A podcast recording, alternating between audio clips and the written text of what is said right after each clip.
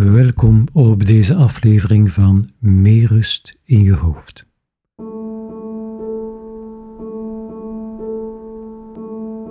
De bedoeling van deze podcast is eenvoudig: je drukke hoofd even tot rust te laten komen.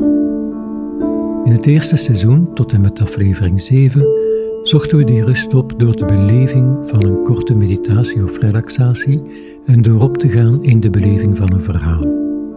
In het tweede seizoen gaan we op zoek naar inspiratie om ruimer te kijken naar de landschappen van het leven.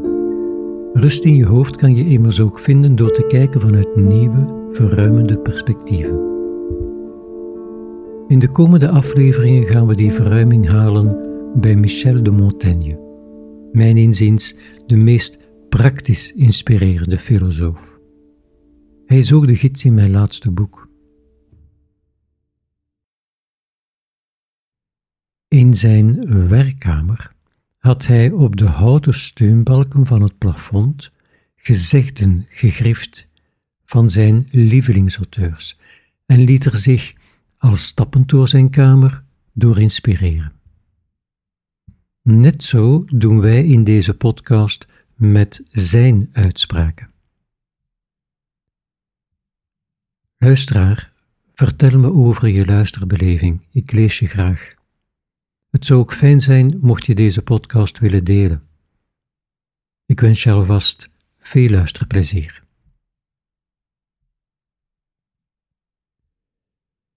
Ik zou het wel graag willen, maar ik heb er echt de tijd niet voor. Dat is zowat de vaakst geformuleerde verklaring waarom sommige mensen er maar niet toe komen om de dingen die ze graag hadden willen doen in dit leven een plaats te geven. De GR van Poperingen naar Ploegsteert afstappen, Proust lezen, afspreken met Vincent François Paul et les autres, vliegers oplaten met de kinderen, tijdloos ruzie maken met de familie na de monopolie, Oeigoers en kanopolo leren, anti-gravity yoga beoefenen en Russische schorsen neren kweken. Het mag niet zijn. Geen tijd kan dit goed begrijpen. We lopen met z'n allen in een rat race van deadlines en overbevraagd op het werk en overbelast thuis, moeten ze hier, moeten ze daar, en we leven zo snel dat we haast moeten ademhalen met ons achterwerk. Montaigne legt de vinger op de wonden. Toen de grote Aesopus zijn meester eens onder het wandelen zag pissen, riep hij uit: Wat, moeten wij zo meteen ook onder het rennen kakken? Laten we zuinig omgaan met onze tijd. Dan nog blijven er veel ledige, slecht benutte uurtjes over. Onze geest vindt kennelijk dat hij voor de behartiging van zijn zaken geen tijd genoeg heeft als hij zich niet losmaakt van het lichaam gedurende de korte poos die dit nodig heeft voor het doen van zijn behoeften. Tot daar Montaigne alsof ze in een derde dimensie ontsnapt aan de wetmatigheid van de tijd met elkaar aan het keuvelen zijn gegaan tijdens een wandeling, pikt zenmaster Thich Han in op de uitspraak van Montaigne en geeft het een mindvolle kwinkslag. Als je naar het toilet gaat, kun je ervoor kiezen om mindful te urineren. Je neemt de tijd om daarvan te genieten. Waarom zou je je haasten? Deze tijd is ons gegeven om te leven. Het kan een heel plezierig moment zijn. In de tijd dat je plast, is er geluk en vrijheid mogelijk. Je wilt dat niet overhaast doen om weer weg te gaan en andere dingen te doen. Daarom zetten we in de meditatiecentra een vaas met bloemen in het toilet om ons eraan te herinneren dat dit ook een meditatiehal is. Geniet van de tijd dat je onder de douche staat. Geniet van de tijd waarin dat je een ontbijt maakt. Geniet van de tijd waarin je urineert of defecteert. Met mindfulness en concentratie kunnen we van ieder moment genieten dat ons gegeven is om te leven. Dat is levenskunst. Tot daar, Dichnat Han. tijd en levenskunst. Ze lijken wel water en vuur, steeds klaar om elkaar op te heffen. We beleven het wel zo dat de tijd het genieten voortdurend in de weg staat, maar gaat het hier echt om een probleem van tijd? Of is het een kwestie van prioriteit? De meeste van ons hebben de indruk dat ze tijd tekort komen. Anderen daarentegen slagen er wel in de dingen te doen die ze belangrijk vinden. Hebben die dan meer tijd gevangen toen dat die uitgestrooid werd? Wel in tegendeel. Er is niets zo democratisch verdeeld als tijd. Mag ik, om het didactisch te duiden, jou even vragen, luisteraar, om uw armen zijdelings te spreiden in een rechte lijn en de vingers een beetje te krommen, alsof dat u een lang pak vasthoudt. Dat, die afstand tussen de twee handen, is uw tijdslijn. Nu kijkt u naar de gebogen vingers van uw linkerhand. Daar bent u als baby om de hoek gekomen, het leven in. Draai nu uw hoofd traag naar rechts en kijk naar het uiteinde van uw rechterhand. Daar zal u de hoek omgaan, het leven uit, op weg naar de eeuwige jachtvelden. De tijd tussen uw linker en uw rechterhand is de tijd van uw leven. Niemand weet hoe lang die zal duren. Daarin zijn we met z'n allen gelijk. De uitdaging is hoe vul ik die tijd in, opdat, eenmaal ik op het einde ben aangekomen en terugblik in de achteruitkijkspiegel, ik zeggen kan: Ik heb zo'n goed leven gehad dat ik er meteen zou voor tekenen om het te herbeginnen. Een mens zou zich immers veel vroeger moeten realiseren waar het straks allemaal te laat voor is. Naast Montaigne laat ik me ook graag inspireren door een andere filosoof, Willy van der Steen. Uit een van zijn geschriften ben ik deze conversatie altijd blijven onthouden. Lambic. Hoe laat is het? Jerommeke. Tijd om uw leven te beteren. Flauw grapje, als kind gelezen en altijd blijven onthouden. Uw leven beteren is ook het maken van de juiste keuzen voor de juiste prioriteiten. En het nemen van de beslissingen om die te realiseren. En dat heeft niets te maken met tijd, wel met prioriteit. Wat zet ik in die tijdslijn op de voorgrond en wat op de achtergrond? Daarvoor kan je best niet wachten tot later, want How we spend our days is, of course, how we spend our lives, schreef Annie Dillard zo terecht. Kom je nu toe aan wat voor jou het leven de moeite waard maakt, luisteraar? Of stel je het volle leven nog wat uit tot betere tijden?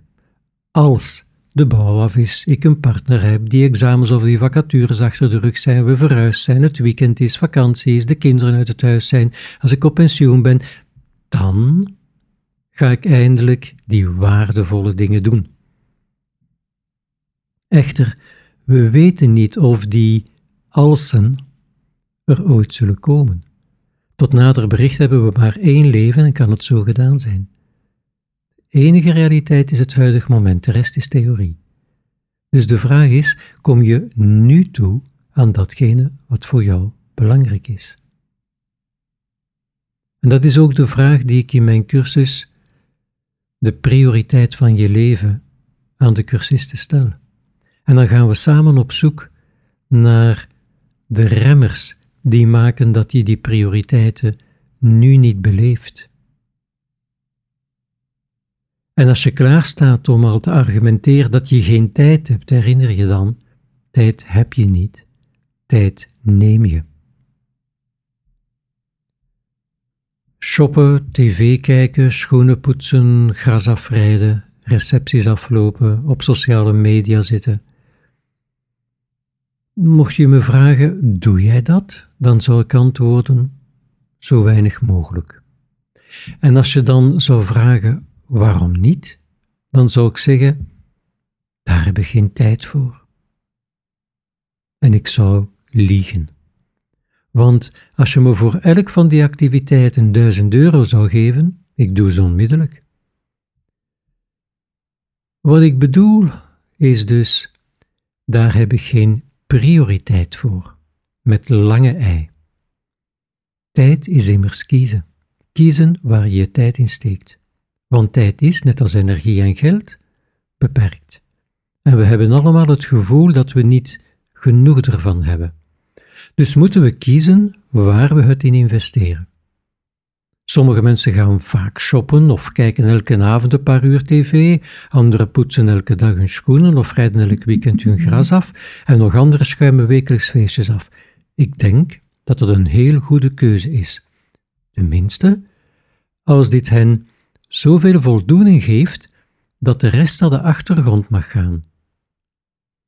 Maar als dat niet zo is, als ze klagen dat ze geen tijd hebben voor al die dingen, moeten ze mij niet vertellen dat ze niet toekomen aan lezen, sporten, in de natuur vertoeven, vrienden opzoeken, mediteren, weet ik wat allemaal. Dat zijn dan weer de dingen waar ik prioriteit aan geef. En iedereen heeft het recht op zijn eigen prioriteitenschaal. Ik kan immers niet alles hebben. Tijd is dus een beslissing. In mijn cursussen zie ik mensen hierin vaak verrassend evolueren. Ik herinner me dat bij de aanvang van een cursus, tijdens de uitwisseling van de ervaringen, een oudere dame die single en werkloos was, de tijd niet vond om met mindfulness bezig te zijn. Toen ze dan van haar cursusbuur, een jonge vrouw van 25 die opgeslorpt werd, werd door haar doctoraat, maar tegelijk ook nog een bijjob had en een jonge baby, hoorde hoe geëngageerd die mediteerde en rijkelijk de filosofie van mindfulness integreerde in haar dagelijkse leven, was ze heel prettig verrast en riep ze geïnspireerd uit: Oh, ik sta zo versteld, wat prettig om dit allemaal te horen. Hierdoor besef ik dat ik mezelf een waanbeeld heb voorgehouden, geen tijd. Een waanbeeld waar ik me niet bewust van was en dat ik nu eindelijk doorprikken kan. Deze mevrouw besefte plots dat ze uit gewoontegedrag vasthield aan de prioriteiten volgens de welke ze dag in dag uit al jarenlang leefde, maar die geen bewuste keuze meer waren. Het was taai gewoontegedrag geworden. En nu, vanuit dat bewustzijn, kan ze kiezen. Kiezen voor wat dat nu prioritair is in haar leven. Een andere cursiste zei: Ik dacht steeds dat ik geen tijd had, tot onze tv-stuk was. En ik elke avond twee uur had om de dingen te doen waar ik nooit toe kwam. Waarop iemand anders toevoegde: Ik was gefrustreerd toen ik merkte dat ik ramper toekwam om te mediteren, terwijl ik weet dat het me veel deugd doet. Ik heb toen eens nagegaan waar ik mijn avonden mee vulde en tot mijn verrassing zat ik elke dag minstens een uur op Facebook. Ik heb dat gereduceerd tot de helft en de andere helft doe ik nu een meditatie.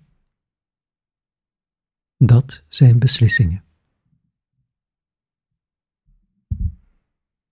De tijd tikt je leven weg en je weet niet waar naartoe. Wat is het doel van deze immerjachtige reis? Naar welk land van melk en honing zijn we op weg? Waar je ook kijkt, privé of werk, de tijdsdruk ligt altijd zo hoog dat het lijkt of er geen tijd is om tot fundamentele verandering te komen. En toch, soms zie ik mensen verrassend evolueren.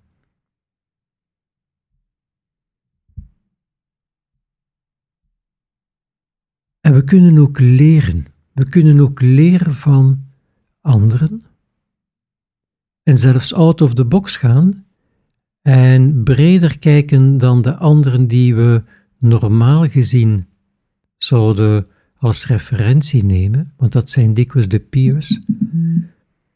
Maar je kan ook kijken naar kinderen, je kan ook kijken naar dieren. Beiden ontsnappen nog aan de terreur van de tijd, alhoewel die kinderen niet voor lang. Een kleuter heeft nog de illusie te kunnen reizen in de tijd. Ik had een hond, Pavlov, en die overleed toen mijn dochter net twee was. Anderhalf jaar later zei ze plots: Ik ga nog eens terug een baby worden. Oh ja, en waarom? Dan kan ik Pavlov nog eens terugzien. Dit zei ze met de grootste evidentie, alsof je er reëel nog voor kiezen kon terug te keren naar het verleden. Maar dat het heden toch voldoende aantrekkelijk was om dat slechts in uitzonderlijke omstandigheden te doen. Net als de dieren kennen ook kinderen die oceanische ervaring van tijdloosheid, als ze, voor zover het door de gehaaste omgeving alsnog wordt toegelaten, opgaan in wat ze aan het doen zijn, in hun spel. Zo herinner ik mij hoe ik als jongen van een jaar of zes urenlang op mijn hurken met een stokje in een vijvertje zat te peuteren, of moeiteloos een halve dag in een bomen doorbracht met imaginaire kampgenoten, tot moeder riep dat het etenstijd was. Dieren beleven de tijd ononderbroken als heden. Al hun zintuigen zijn gefocust op wat er hier en nu gebeurt, niet op morgen of gisteren. Ze hebben geen angst voor morgen en dus ook niet voor de dood, en daardoor kunnen ze ook beter, dieper en rustiger genieten. Kijk maar naar je poes. Als het over de tijd gaat, kunnen we van dieren wel wat leren. Volgens Kundera kan geen mens een ander mens het geschenk van de idylle geven. Dat kan alleen een dier, want dat is niet uit het paradijs verstoten. Liefde tussen mens en dier is idyllisch. Ze kent geen conflicten, geen hartverscheurende scènes, geen ontwikkeling. Dat komt omdat je hond of poes of vogel je omringt met een leven dat niet lineair in de tijd loopt, zoals het onze, maar circulair. De mensentijd draait niet in een cirkel, maar snelt in een rechte lijn vooruit.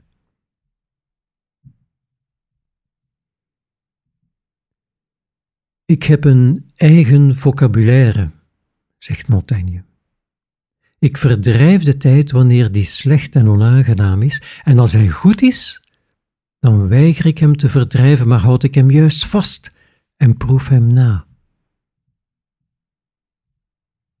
Montaigne lijdt niet onder de tijd, hij leidt de tijd met korte ei. Mocht ik hem via de teletijdmachine kunnen opzoeken, ik zou hem als cadeau het beste uurwerk geven dat ik ooit heb gehad. Het is er eentje ontworpen door kunstenaar Ben. In plaats van de uren staat er in de cirkel waar normaal de cijfers staan een zinnetje. L'instant présent. Het geeft niet alleen altijd de juiste, maar ook de belangrijkste tijd aan. En het maakt ook geen enkel verschil als het mechanisme stuk is. Mijn moeder was een Brusseles en zij had het over het principolste. Ik vond dat een mooi woord en ik ben het beginnen te gebruiken in mijn cursussen. Soms weten mensen niet zo goed wat het principolste is voor hen, wat voor hen zou maken dat ze, zoals Michel het zo mooi uitdrukte, als een voldane gast het leven zullen verlaten.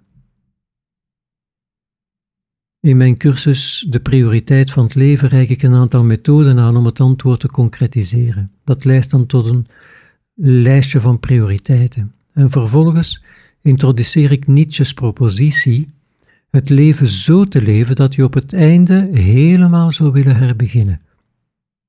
Het is de idee van de eeuwige herhaling als leidraad voor een goed leven. Om bewuster te worden in welke mate ze leven volgens hun prioriteiten, vraag ik de cursisten hun agenda te nemen en Nietzsche's voorstel aan de praktijk te toetsen. Eerst doen we dat met de voorbije dag. Ik vraag hen om met behulp van hun agenda de dag van gisteren te reconstrueren en na te gaan of ze die dag zouden willen herbeginnen. Dan vraag ik hen om vanuit dezelfde vraag de afgelopen week te overlopen, vervolgens de afgelopen maand en tenslotte het afgelopen jaar. En ik benadruk telkens dat het gaat om die dag, week, maand, jaar als geheel. Ze mogen dus niet knippen. Dus niet de leukste momenten eruit halen en de rest wissen. Dat is voor de meesten erg moeilijk. Ze staan immers alle klaar met een snoeischaar, sommigen zelfs met een koevoet, om het negatieve los te peuteren van het positieve, want alleen dat laatste willen ze opnieuw beleven. Vervolgens stel ik een vervelende vraag. Hou jij wel echt van het leven? Als iedereen zegt ja. Als ik hen dan vraag waarom, dan valt hun antwoord samen met de aangename momenten. Voldoening van het werk, leuke momenten met gezin, een prettige vakantie. Wat zeggen wil dat je voorwaardelijk van het leven houdt, alleen de goede momenten en niet het leven op zich in zijn geheel als package deal. Patricia de Martelare vergeleek de liefde voor het leven met de liefde voor een persoon. In het begin, tijdens de verliefdheidsfase, waar we nog blind zijn voor de verschillen, is het volle liefde. Maar eenmaal de ontnuchtering is ingezet, de andere lijkt toch niet het plaatje dat we van hem of haar hadden gedroomd, zien we die ander alleen maar graag als hij zo is zoals wij zouden willen. En als dat niet lukt, zijn we kwaad of teleurgesteld, of gaan we het plaatje elders zoeken. We gaan vreemd. In onze relatie met het leven doen we precies hetzelfde, zegt de martelaren. We plegen imaginair overspel. Ik citeer haar even. We zijn in gedachten voortdurend elders waar het beter is. In het verleden, de afgelopen zomermaanden bijvoorbeeld, of in de toekomst, de volgende vakantie, het komende weekend. Haast voortdurend wijzen wij in onze levenshouding impliciet het heden af. En dus ook het leven, want hoe je het ook bekijkt, iets anders dan het heden is er in het leven niet. Al het andere is of voorbij of moet nog komen. Al zijn wij van dat laatste niet eens zeker dat er nog iets zal komen. De uitdaging waar niets in ons voor plaatst is precies dezelfde als in mindfulness. Die van de radicale liefde voor het heden, hoe dit ook mogen zijn, omdat dat het enige is wat er is. Die uitdaging is even eenvoudig als moeilijk.